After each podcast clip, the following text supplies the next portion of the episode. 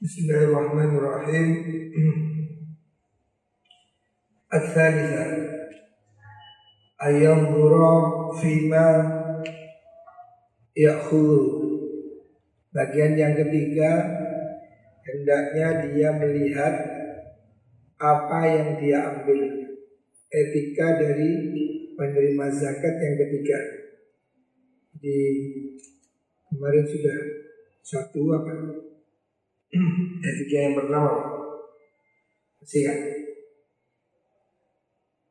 Etika yang pertama kemarin apa? Mengetahui bahwa Allah memberikan zakat pada dia Supaya dia beribadah kepada Allah Itu etika pertama dari penerima zakat Allah memberi dia kecukupannya supaya dia tidak sibuk banyak pikiran supaya dia konsentrasi beribadah. Yang kedua, etikanya adalah berterima kasih pada yang memberi. Etika penerima zakat. Wazifah. Yang ketiga, ayam dura fima Yang ketiga, hendaknya dia melihat apa yang dia ambil. Maksudnya dia mempertimbangkan fa'ilam yakun apabila tidak ada apa mayak hudu iku min khilihi dari kehalalannya apa bila barang yang diambil itu tidak yakin halal ya. tawar minhu.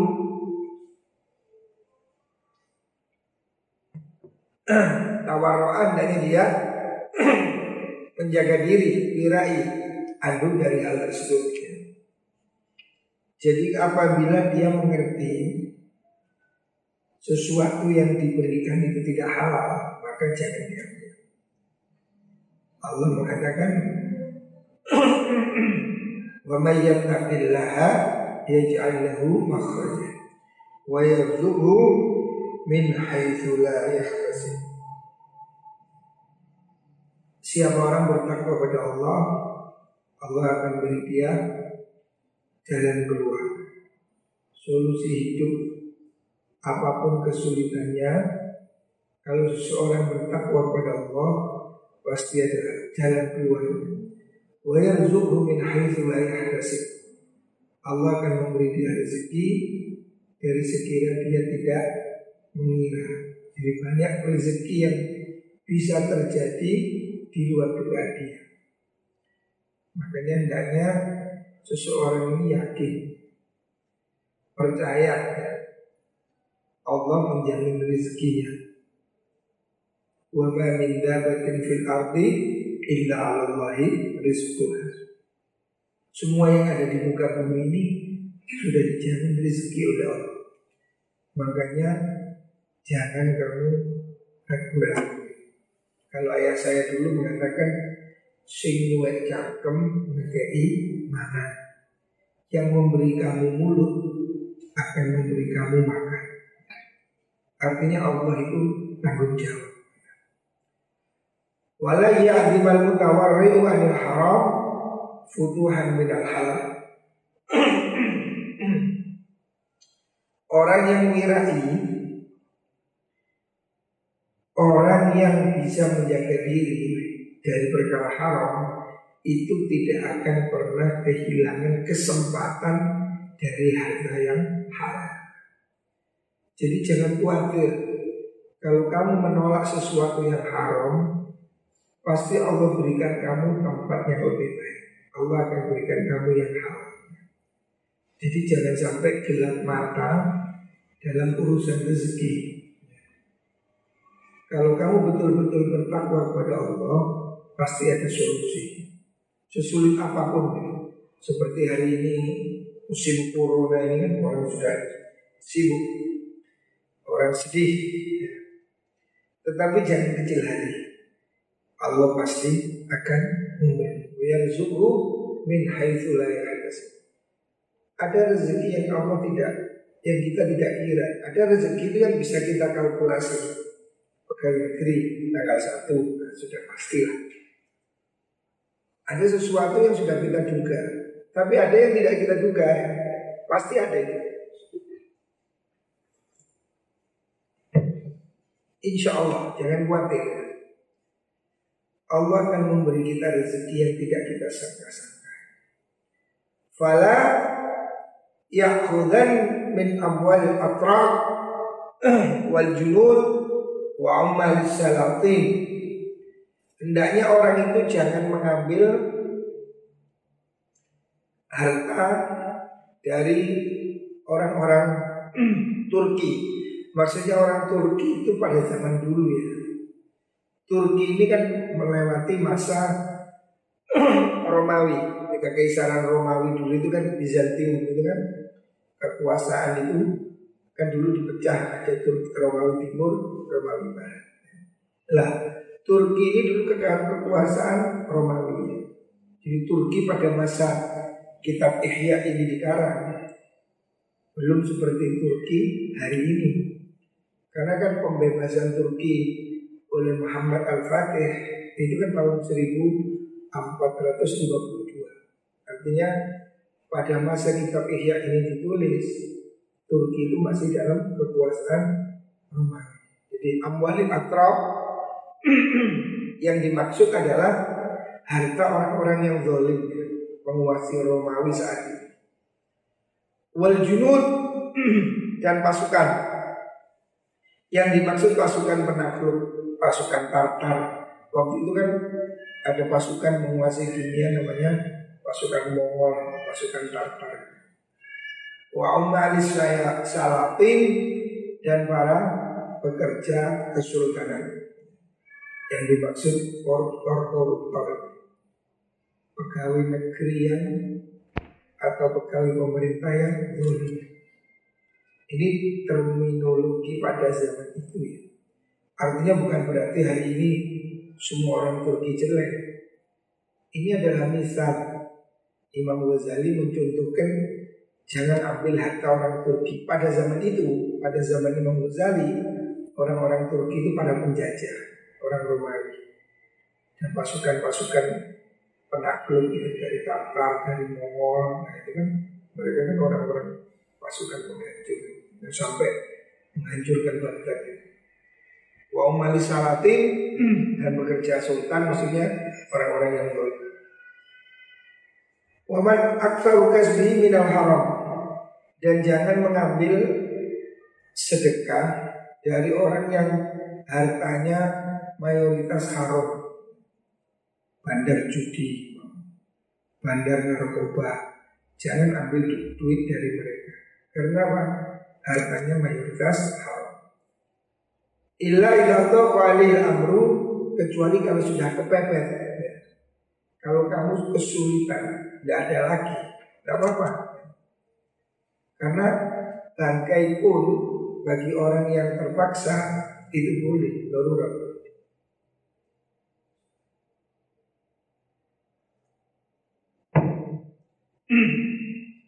Wa kana ma yusallam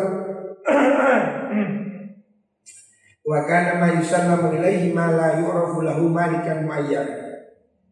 Boleh mengambil bagian dari orang yang hartanya mayoritas haram. Selama tidak diketahui persis harta itu haram. Jadi begini, kalau kamu tahu ini orang ini profesinya begal, rampok. Kalau kamu tahu uang yang diberikan kamu itu memang betul-betul itu yang hasil merampok, jangan mau.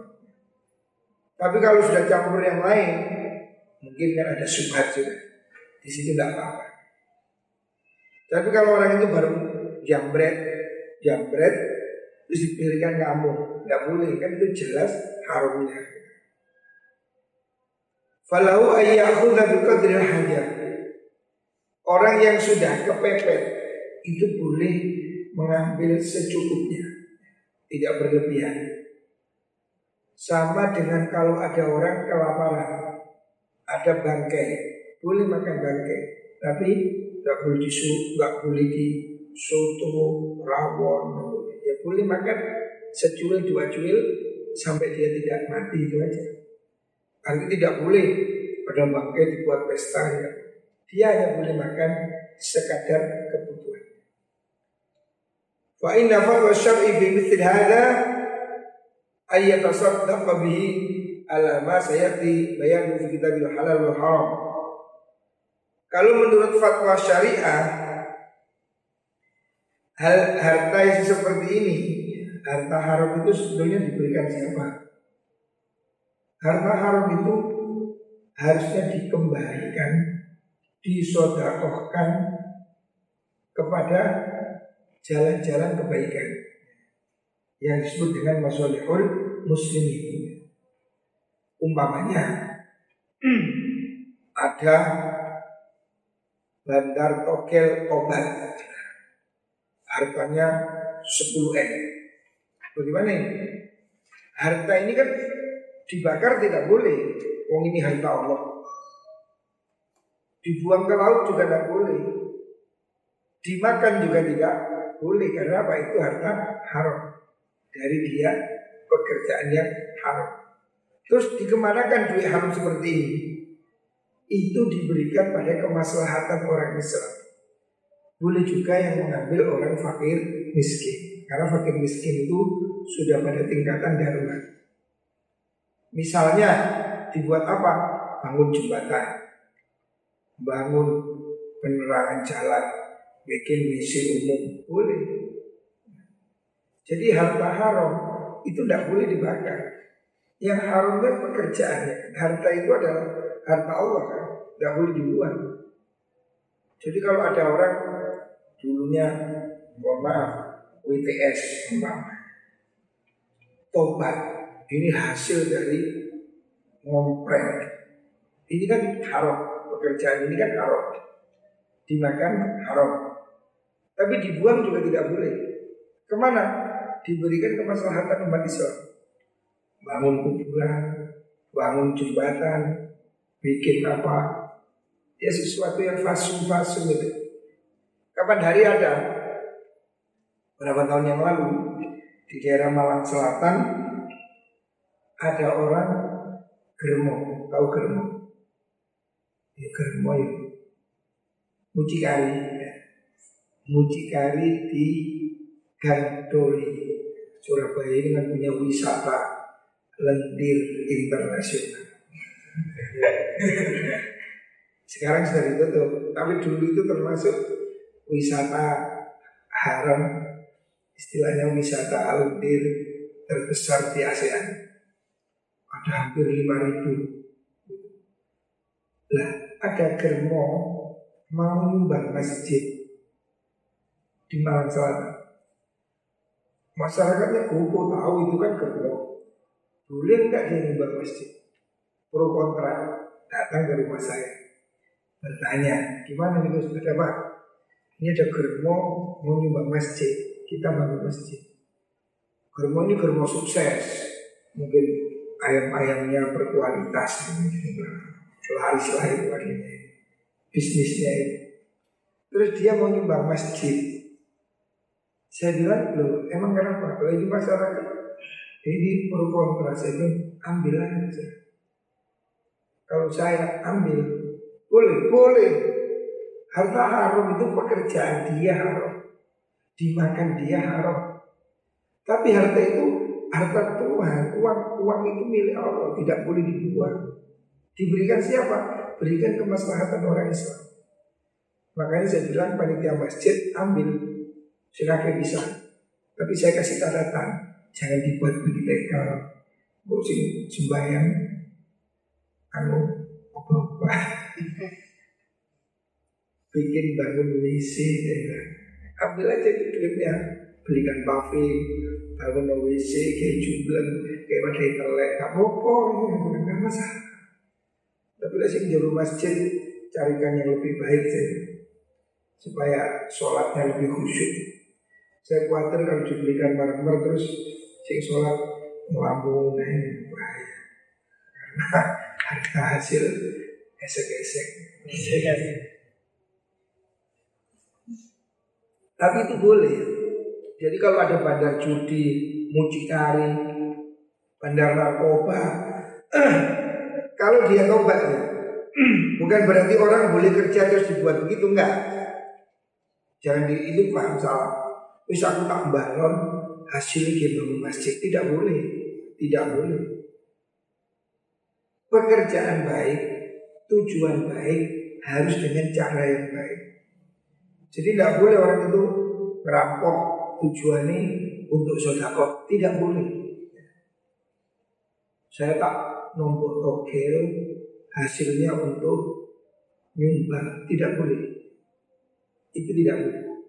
Tetapi kalau ada orang sudah punya harta halal haram, nah ini bedakan sekali. Orang insaf, bandar togel, mucikari, germo, apalah pekerjaan yang haram. Kalau dia mau bertobat, maka dia harus bersihkan hartanya. Diberikan siapa? Kalau masih jelas pemiliknya harus dikembalikan. Umpamanya ini dulu ngerampok dapat handphone. Ini handphone siapa? Si fulan harus dikembalikan. Kalau jelas pemiliknya. Tapi kalau sudah nggak jelas perampoknya sudah bertahun-tahun nggak jelas sudah. Sudah jadi rumah jadi ini jadi itu. Maka ya itu kembalikan ke kemaslahatan. Dijual berikan ke fakir miskin atau berikan untuk kemaslahatan umat Islam. Buat bangun jembatan, ngaspal, bikin trotoar, bangun WC umum, tidak apa-apa. Yang penting tidak dimakan, kecuali bagi orang fakir miskin. Itu demikian caranya. Jadi tidak boleh terus hartanya germo dibakar, emang ya. Berikan pada kemaslahatan. Sama dengan dulu tahun 70-an, tahun 80 Saudi ketika kaya rayanya minyak, ketika harga minyak mahal, Saudi Arabia itu menaruh duitnya di Inggris, di Amerika, jumlahnya triliunan. Dan mereka masih konvensional menganggap bunga bank haram sehingga bunganya nggak diambil. Padahal bunganya miliaran. Karena nggak diambil, diambil oleh yayasan-yayasan non muslim. Kemudian ada fatwa dari Robi Alam Islami, hendaknya bunga itu diambil. Diberikan siapa? Berikan orang miskin, orang Ethiopia, Somalia, orang-orang yang kelaparan itu boleh makan bunga pun boleh, karena dia itu bangkai saja boleh. Bagi orang yang sudah darurat, itu boleh, apalagi bunga bak. Kalau kita-kita sehat sebaiknya dihindari. Wadzalika idza ajaza halal.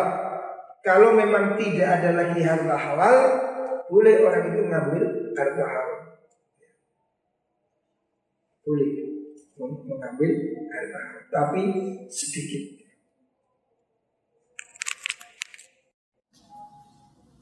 Walam yakun ahduhu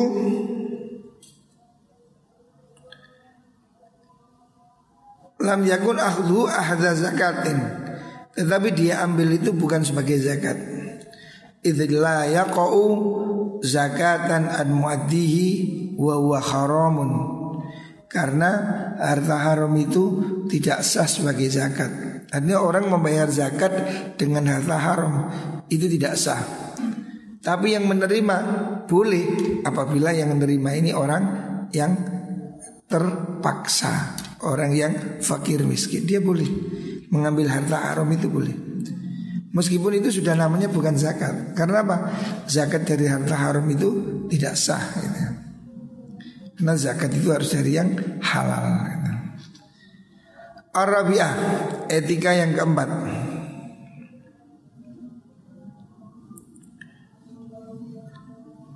ayat tawakka mawaqi ar-riba wal istibah fi miqdari ma ya'khudhu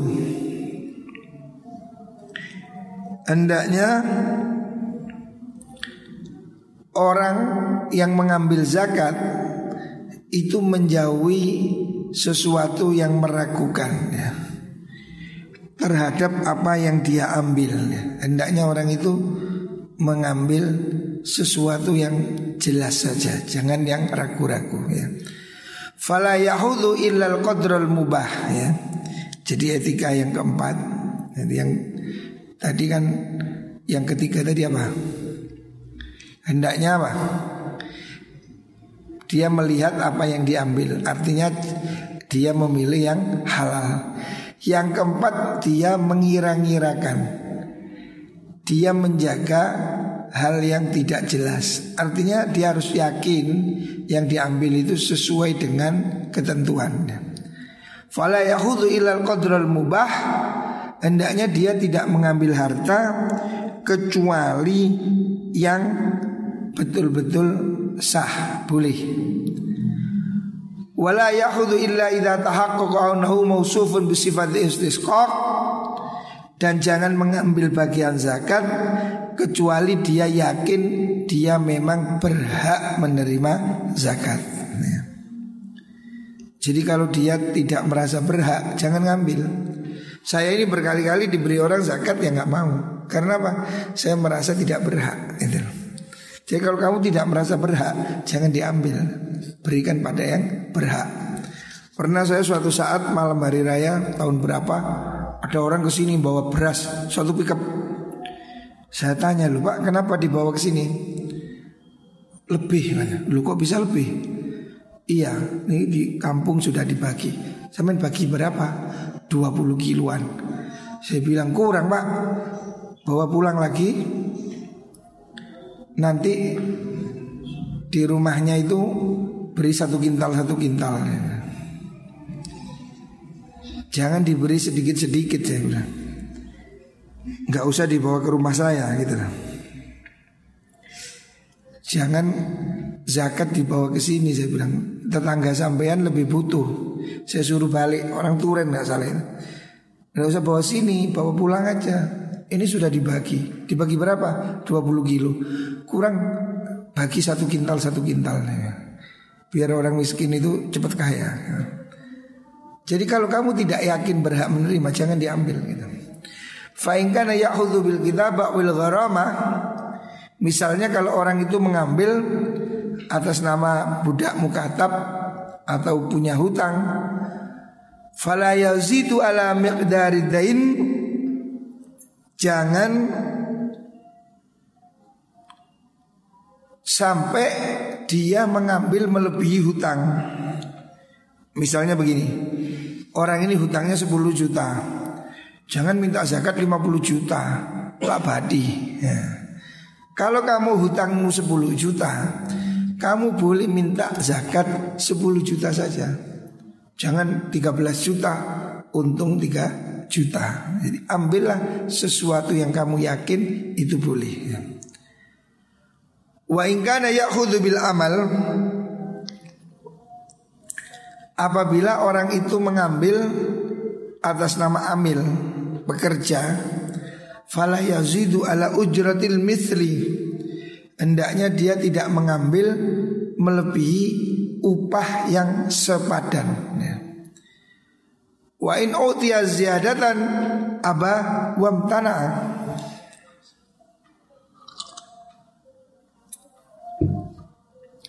Kalau kamu diberi lebih Jangan mau. Umpamanya Kamu ini jadi pegawai lazis Umumnya berapa gajinya pegawai lazis? Satu juta Kok kamu diberi 10 juta? Jangan mau Kembalikan Karena apa? Ini melebihi kepatutan Jangan sampai ada Direktur lazis gajinya 70 juta Tidak boleh Karena apa? dia ini bukan pekerja komersil. Dia itu pekerja sosial. Dia hanya boleh mengambil gaji sesuai dengan umumnya gitu. Idlai salmal lil mu'ti hatta itabarra abih. Kenapa kalau kamu bekerja zakat tidak boleh nerima lebih? Sebab yang diberikan kamu itu bukan milik dia. Lembaga zakat ini bukan penguasa. Dia kan cuma menyalurkan, tidak boleh memberi berlebih, ya. Wa ingkana musafiran. Kalau dia seorang musafir lam yazid ala zat wa kira idabah ila maqsadihi. Kalau kamu mengambil zakat sebagai musafir Jangan mengambil melebihi kebutuhan kendaraan sampai di rumah. Jangan musafir zakatnya ngambil 1M Musafir keliling dunia Ya ambillah. Secukup dia bisa pulang. Wa in kana ghazian lam yahud illa ma yahtaju ilail ghazwi khasah. Kalau orang itu pejuang maka dia hanya boleh mengambil secukup perabot perang. Min khailin Zaman dahulu kuda, wasilahin, pedang, wanafakatin dan biaya hidup. Ya kalau hari ini mujahidin ya mengambil zakat untuk beli bom, beli tank, secukup dia untuk perang. Perang yang benar ya. Bukan teroris. Wa takdiru dzalika bil ijtihad. Semua itu diperkirakan dengan istihad, dengan hati-hati. Walaysa lahu haddun, tidak ada batasnya. Wa kadza zadus safar. Begitu juga sangunya orang musafir itu juga tidak bisa dibatasi berapa. Perginya kan nggak jelas, melihat jauhnya. Wal wara'u tarku ma yuribu. Yang hati-hati hendaknya orang itu meninggalkan sesuatu yang dia tidak yakin, sesuatu yang meragukan tinggalkan. Nah, artinya kalau kamu tidak yakin ya jangan ambil gitu. Wa in bil maskana apabila orang ini nerima zakat sebagai fakir miskin falyanzur awalan ila asasi baiti wa thiyabihi wa kutubi. Pertama hendaknya dia lihat perabotan rumahnya, pakaiannya, kitabnya, ya, asetnya. Alfiha ma yustaghna anhu bi aini. Apakah di situ masih ada hal yang mencukupi dirinya? Au yustaghna an nafasatihi atau tidak diperlukan karena itu terlalu mewah. Fayumkinu ayyubaddal bima yakfi maka bisa ditukar. Umpamanya orang miskin sepedanya kok ninja kan kapien dijual lah tukar sama Supra umpamanya. Karena itu apa? Berlebihan. Kalau kamu orang miskin, hendaknya kamu ukur apakah kehidupanmu itu sudah standar.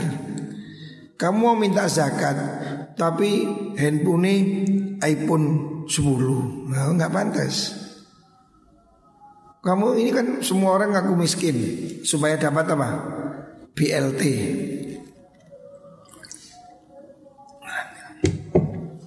sekarang banyak orang ngaku miskin tapi punya handphone miskin kok duit handphone punya handphone itu tolong di sini atau ya pakai handphone yang jelek ya orang miskin hendaknya menyesuaikan Lawung rumahnya tingkat, ada mobil, ngaku miskin, ini kan tidak etis gitu loh.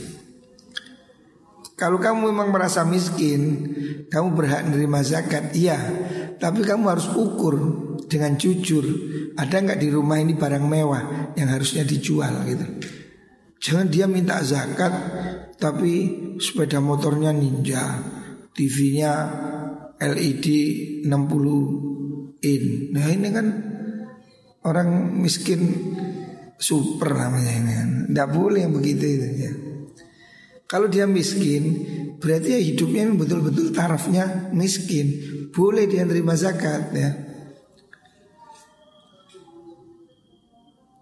Wa kullu dzalika ila istihadih itu semua kembali ke kehati-hatian istihad dia. Wa fihi tarafun zahirun yatahaqqaqu mahu annahu mustahiq. Satu sisi dia bisa melihat dirinya berhak apa tidak ya.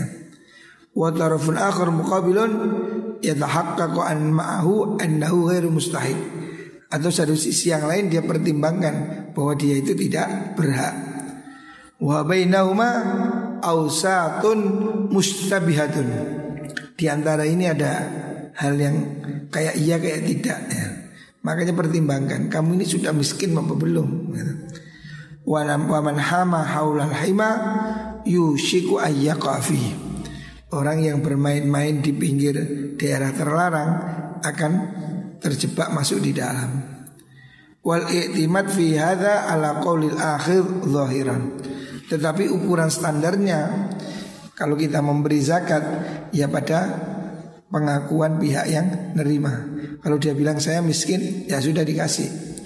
Tetapi orang miskin ini harus mengukur dirinya Apakah memang dia betul-betul miskin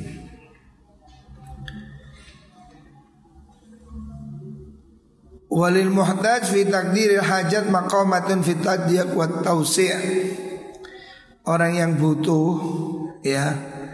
Mengirakan kebutuhannya ini ada beberapa standar.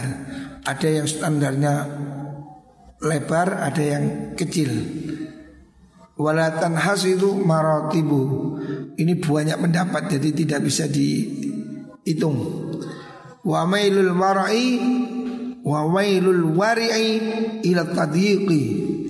Orang yang wirai Ini hendaknya dia lebih milih untuk mempersempit Tidak berlebihan.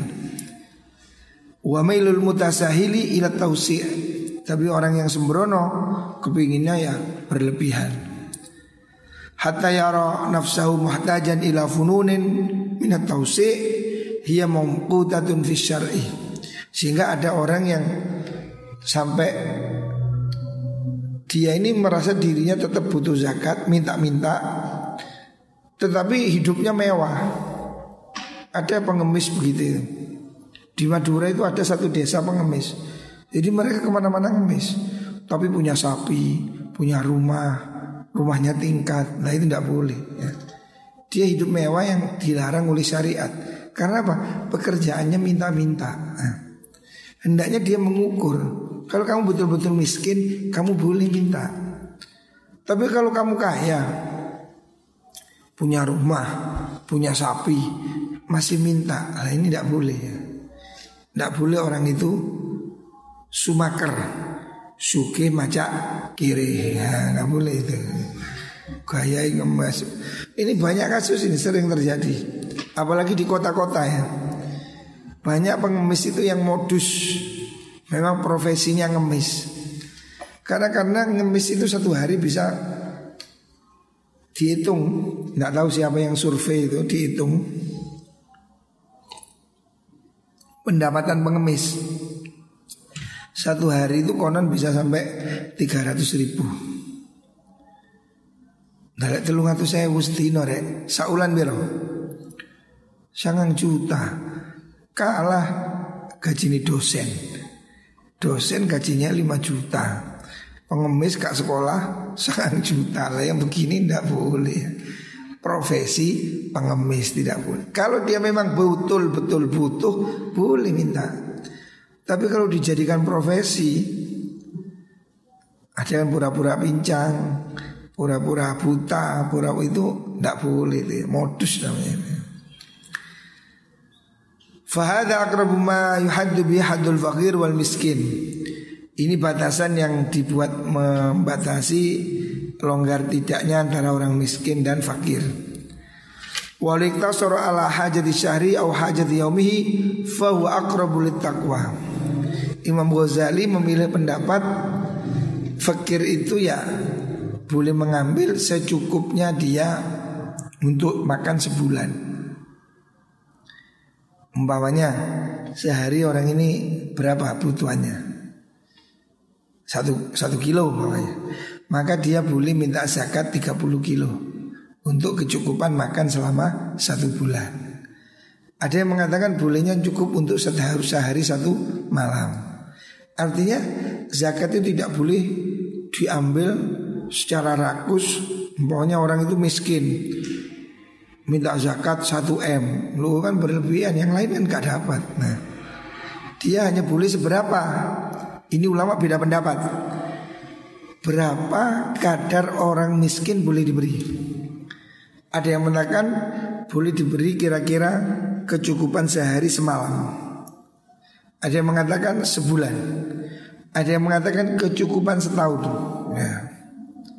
Setahun dia berarti lebih banyak Tapi ada yang mengatakan sampai dia dianggap kaya. Kaya itu berapa? Memiliki satu nisab. Kalau nisabnya emas 80 gram berarti 80 juta. Ada yang mengatakan boleh ngambil zakat sampai segitu. Ini berbeda pendapat. Waqala akhurun ulama lain berkata yahudu ila haddil ghina. Orang miskin boleh ngambil sampai kecukupan orang kaya. Wahadul ghina nisobuz zakati yaitu batasnya nisobnya zakat. Artinya dia boleh ngambil bagian zakat sampai satu nisob. Nah.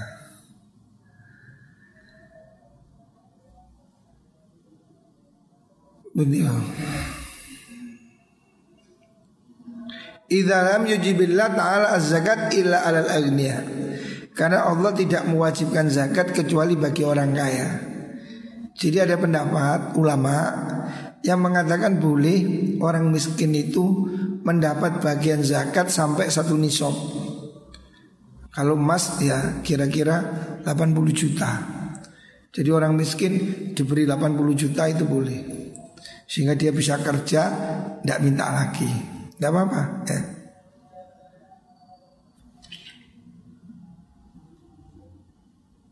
Faqalu lahu ayyakhudha li nafsi wa kulli wahidin min iyalihi nisaba zakatin. Menurut sebagian ulama, seorang itu boleh mengambil zakat untuk dirinya dan keluarganya masing-masing satu nisab zakat. Satu nisab zakat itu ya kalau ukurannya emas 80 gram ya, atau 77 gram emas murni ya kira-kira 75 juta minimal. Jadi kalau 10 orang berarti dia ngambil zakat 750 juta. Ya suki langsung data ya. Lah kok boleh? Iya dia sekali itu terus nggak nggak minta selamanya karena dia jadi kaya.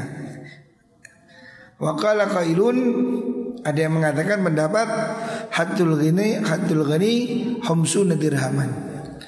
Ada yang mengatakan batasannya kaya itu 50 dirham ya. Nilai apa? Nilainya kekayaannya dia 50 dirham gitu. Setara setara uang 50 dirham. Yang harus diterangkan di bab zakat itu. Au qimatuha minadhab 50 dirham itu berapa? Kalau 50 dirham Sekarang ada mata uang dirham Emirat itu kan mata uangnya dirham Saya pernah ke Emirat Dubai Emirat Itu dirham 50 dirham berapa? Hampir sama dengan 50 real Satu real Sekitar Sekitar 4 juta ya Sekitar 4 juta 50 dirham tapi bukan yang dimaksud bukan dirham itu ya. Dirham maksudnya dirham dirham ukuran emas pada zaman dahulu ya. Kan ada uang dinar, ada uang dirham. Ya, gitu. Dirham itu uang uang uang apa namanya? Uang perak atau ada juga emas ya senilai 50 dirham ya. Kalau satu dirhamnya itu 2,9 gram Berarti 50 dirham itu berapa? Ya sekitar 100 140 gram. Itu baru kaya. Artinya orang yang punya harta Sekitar 140 gram emas itu kaya. Di bawahnya itu miskin. Dia boleh terima zakat gitu. Lima ruya Lima ruya Ibnu Mas'ud Annahu sallallahu alaihi wasallam Qal Man sa'ala walau malun yugnihi Ja'a yawmal qiyamah Wa wajhi khumus. Karena dari riwayat Nabi bersabda Barang siapa minta-minta Barang siapa mengemis Padahal dia punya harta yang cukup Maka dia kelak akan datang pada hari kiamat dengan wajah humus, wajah penuh luka, wajahnya membusuk. Qila wa ma sahabat bertanya, orang kaya itu seberapa? Qala homsuna dirhaman au qimatuha. Orang itu disebut kaya kalau punya uang sekitar 50 dirham. 50 dirham itu kalau dikias emas satu dirham kira-kira 2,9 gram. Eh, senilai itu 50 dirham maka dia itu kalau masih minta-minta dia itu dosa. Wakila rawi meskipun hadis ini rawinya tidak kuat.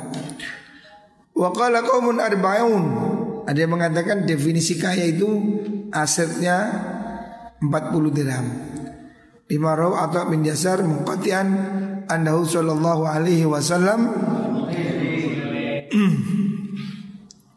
Qala man sa'ala walahu auqiyatun faqad al-hafa su'al.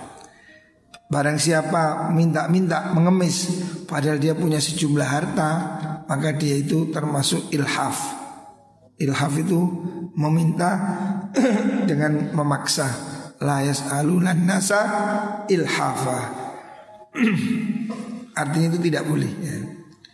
Jadi ini ada perbedaan pendapat di kalangan ulama tentang definisi kaya. Ada yang mengatakan kaya itu kalau punya uang satu nisab 80 gram emas.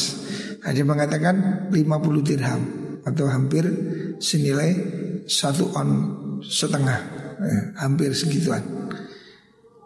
Artinya itu baru disebut kaya. Ya. Jadi orang itu sebelum punya segitu belum dimasuk kaya gitu. Dan orang boleh menerima zakat sampai seukuran nisab. Wa balagha akhiruna fit tausi ada lagi pendapat yang lebih longgar lagi. Faqalu lahu ayyakhudha miqdara ma yastari bihi. Ada ulama yang pendapatnya longgar mengatakan orang miskin boleh ngambil zakat sampai dia beli kebun. Hmm. Beli kebun kan bisa satu miliar kan? Jadi minta zakat sampai bisa beli kebun. Nah, Faistagni biatullah umri supaya dia menjadi kaya seumur hidup. Itu mengatakan boleh. Ya, ini pendapat yang paling los. Ya. Au yuhayya bihi bidha'atan yatajir fiha wa yastaghni biha umri. Atau dia boleh minta modal kerja ya, menyeda orang miskin, minta ke Basnas beri saya modal kerja supaya cukup seumur hidup. Beli toko, beli alat ini nilainya 500 juta. Ada yang mengatakan boleh begitu. Nah, ini pendapat yang murah atau yang paling los. Waqat qala Umar radhiyallahu anhu idza a'taitum fa'alnu. Dalilnya ucapan Sayyidina Umar. Sayyidina Umar mengatakan kalau kamu beri, berilah sampai kecukupan dia kaya. Hatta dhaba qaumun ila anna man iftaqar falahu ayyakhudha biqadri ma ila mithli. Jadi ada pendapat kalau orang itu jatuh miskin, asalnya konglomerat, hartanya 10 M. Jatuh miskin, dia boleh menerima zakat sampai punya duit 10 M lagi. Walau asyrata ala fi dirham, walaupun itu sampai 10 ribu dirham. Mas 10 ribu dirham ini kan bisa sama dengan 20 kilo emas ya, atau berapa banyak sekali ya. ya. Ini contoh aja, ada yang mengatakan begitu. Tetapi kalau yang ihtiyat tadi dikatakan boleh ngambil hanya untuk kecukupan sehari semalam. Ada yang mengatakan hanya boleh mengambil sampai kecukupan satu bulan. Ada yang mengatakan orang fakir boleh miskin kecukupan satu tahun. Nah ini berbeda pendapat di kalangan ulama. Berapa yang boleh diambil oleh orang miskin gitu. Karena ada riwayat lagi Illa idha kharjan hadil ididal Selama tidak tidak berlebihan Maksudnya tidak dikeluar dari Kepatutan ididal Walamma syagala Abu Talha bustan wa sholah. Ada riwayat ketika sahabat Abu Talha Ini sholatnya nggak khusyuk Sebab dia ingat kebunnya. Abu Talha jengkel Sholat ingat kebun. Maka dia mengatakan Qala ja'altuhu sodakotan Sudah kebun daripada tak pikir Saya sodakokan semua Faqala sallallahu alaihi wasallam Nabi mengatakan ketika itu ij'alhu fi qarabatika fa khairun laka. Kalau kebunmu mau kamu sodakokan, kebun kurmamu berikan ke kerabatmu. Abu Talha merasa sholatnya nggak khusyuk karena kebun, kebunnya disodakokan.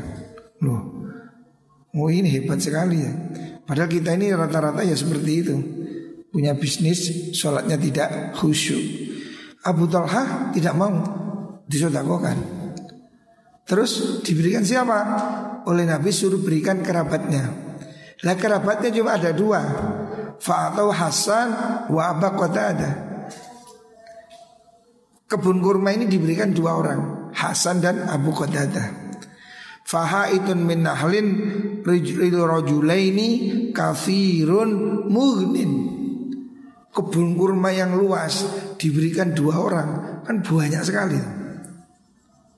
Ini kan miliaran nilainya dan itu boleh. Nabi membolehkan. Ini sebagai dalil bahwa orang miskin itu boleh diberi banyak. Ya, makanya ini orang miskin diberi tebu 5 hektar boleh. Yo lek ana sing ngekeki. Nah. Fa Umar radhiyallahu Arabiyan naqatan maha dhi'raha.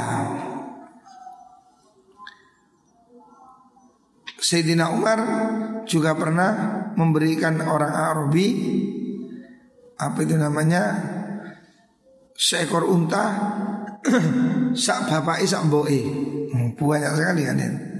Jadi unta itu diberikan sak Unto sak mbok ini sak bapak ini tiket kabeh.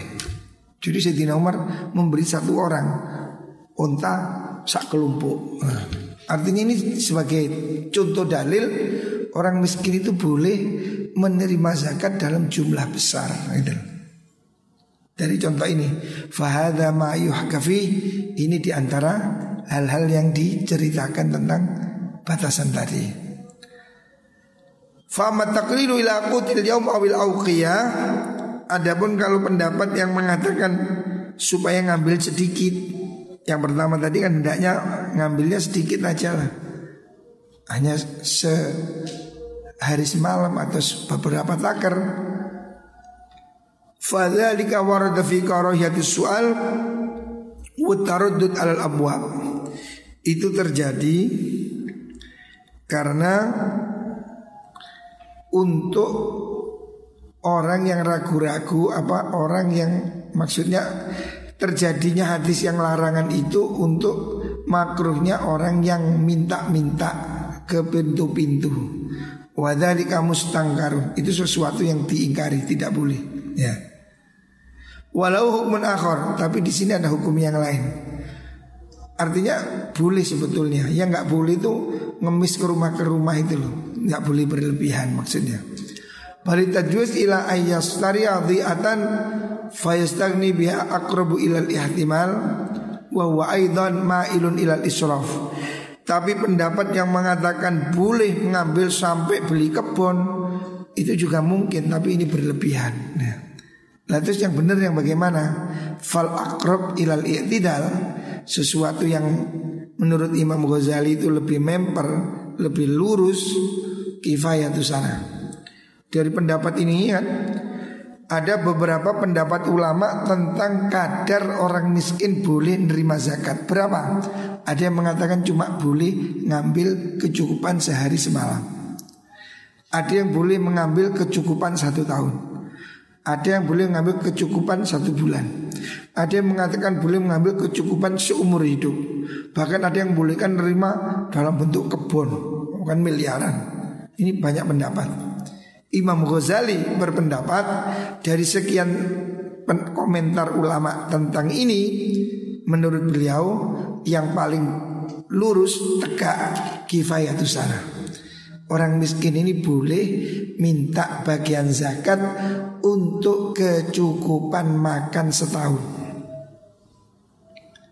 Umpamanya satu bulan ini kebutuhannya satu juta Berarti dia boleh nerima zakat 12 juta Untuk kecukupan satu tahun Kalau kebutuhannya dia itu satu bulan 5 juta Berarti dia boleh nerima zakat 60 juta Ini menurut pendapat Imam Ghazali. Ini yang tengah-tengah.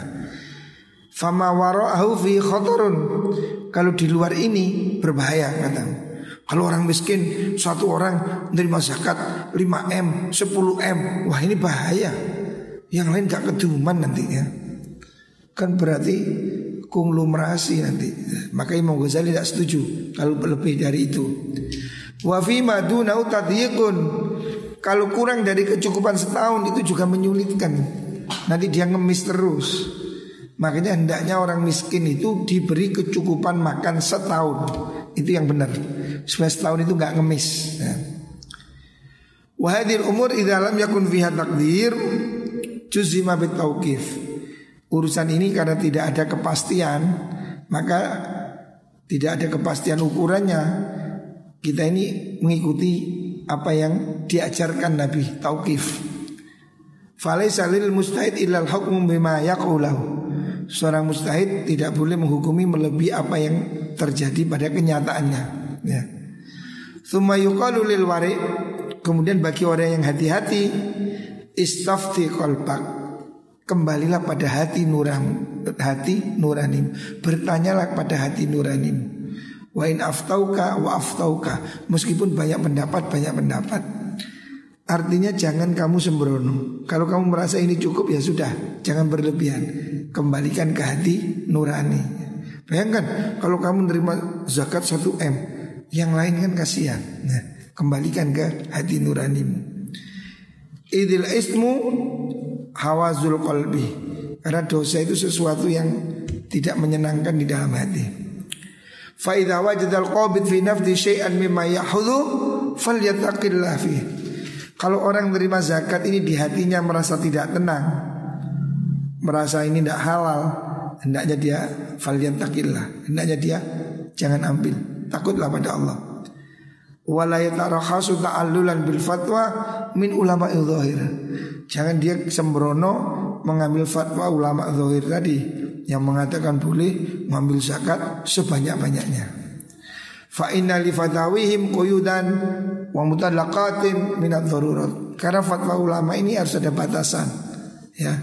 Ada batasan, ada apa itu keadaan yang membatasi lingkup darurat. Wa fiya tahminatun wa syubhat. Di situ banyak hal-hal yang sulit difahami.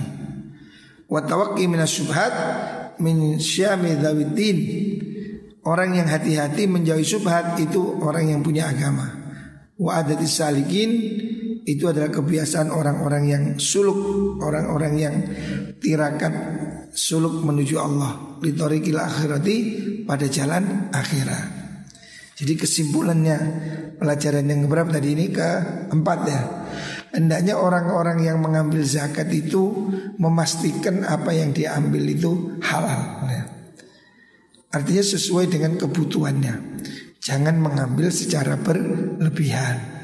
Kalau dia punya hutang, ya minta zakat sesuai hutangnya. Kalau dia itu musafir, ya sesuai kebutuhan safarnya. Kalau dia fakir miskin, Imam Ghazali mengatakan dia boleh ngambil kebutuhan setahun ya. Ini pendapat yang dipilih oleh Imam Ghazali ya. Moga-moga kita ini diberi rezeki yang berkah ya. Jadi ya kalau bisa kita itu ingin berzakat nah. Makanya kita ini minta pada Allah supaya diberikan rezeki yang berkah. Kalau bisa berzakat itu lebih baik gitu. Tapi kalau belum bisa ya nerima zakat itu bukan sesuatu yang rendah ya. Karena itu memang sudah ditentukan oleh Gusti Allah. Adapun orang berzakat kemarin sudah ada adabnya kan. Adabnya ya harus tidak boleh sombong dan tidak perlu diumum-umumkan. Zakat harus diundang televisi. Hari ini kan orang bagi nasi aja manggil wartawan. Itu kan tidak perlu ya. Kasihan orang miskin jangan dieksploitasi.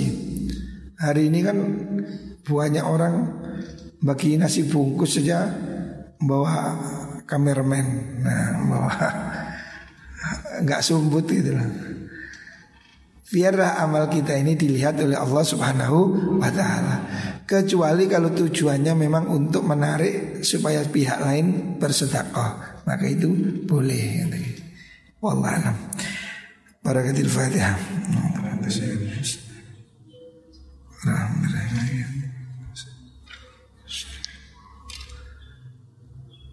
Assalamualaikum warahmatullahi wabarakatuh.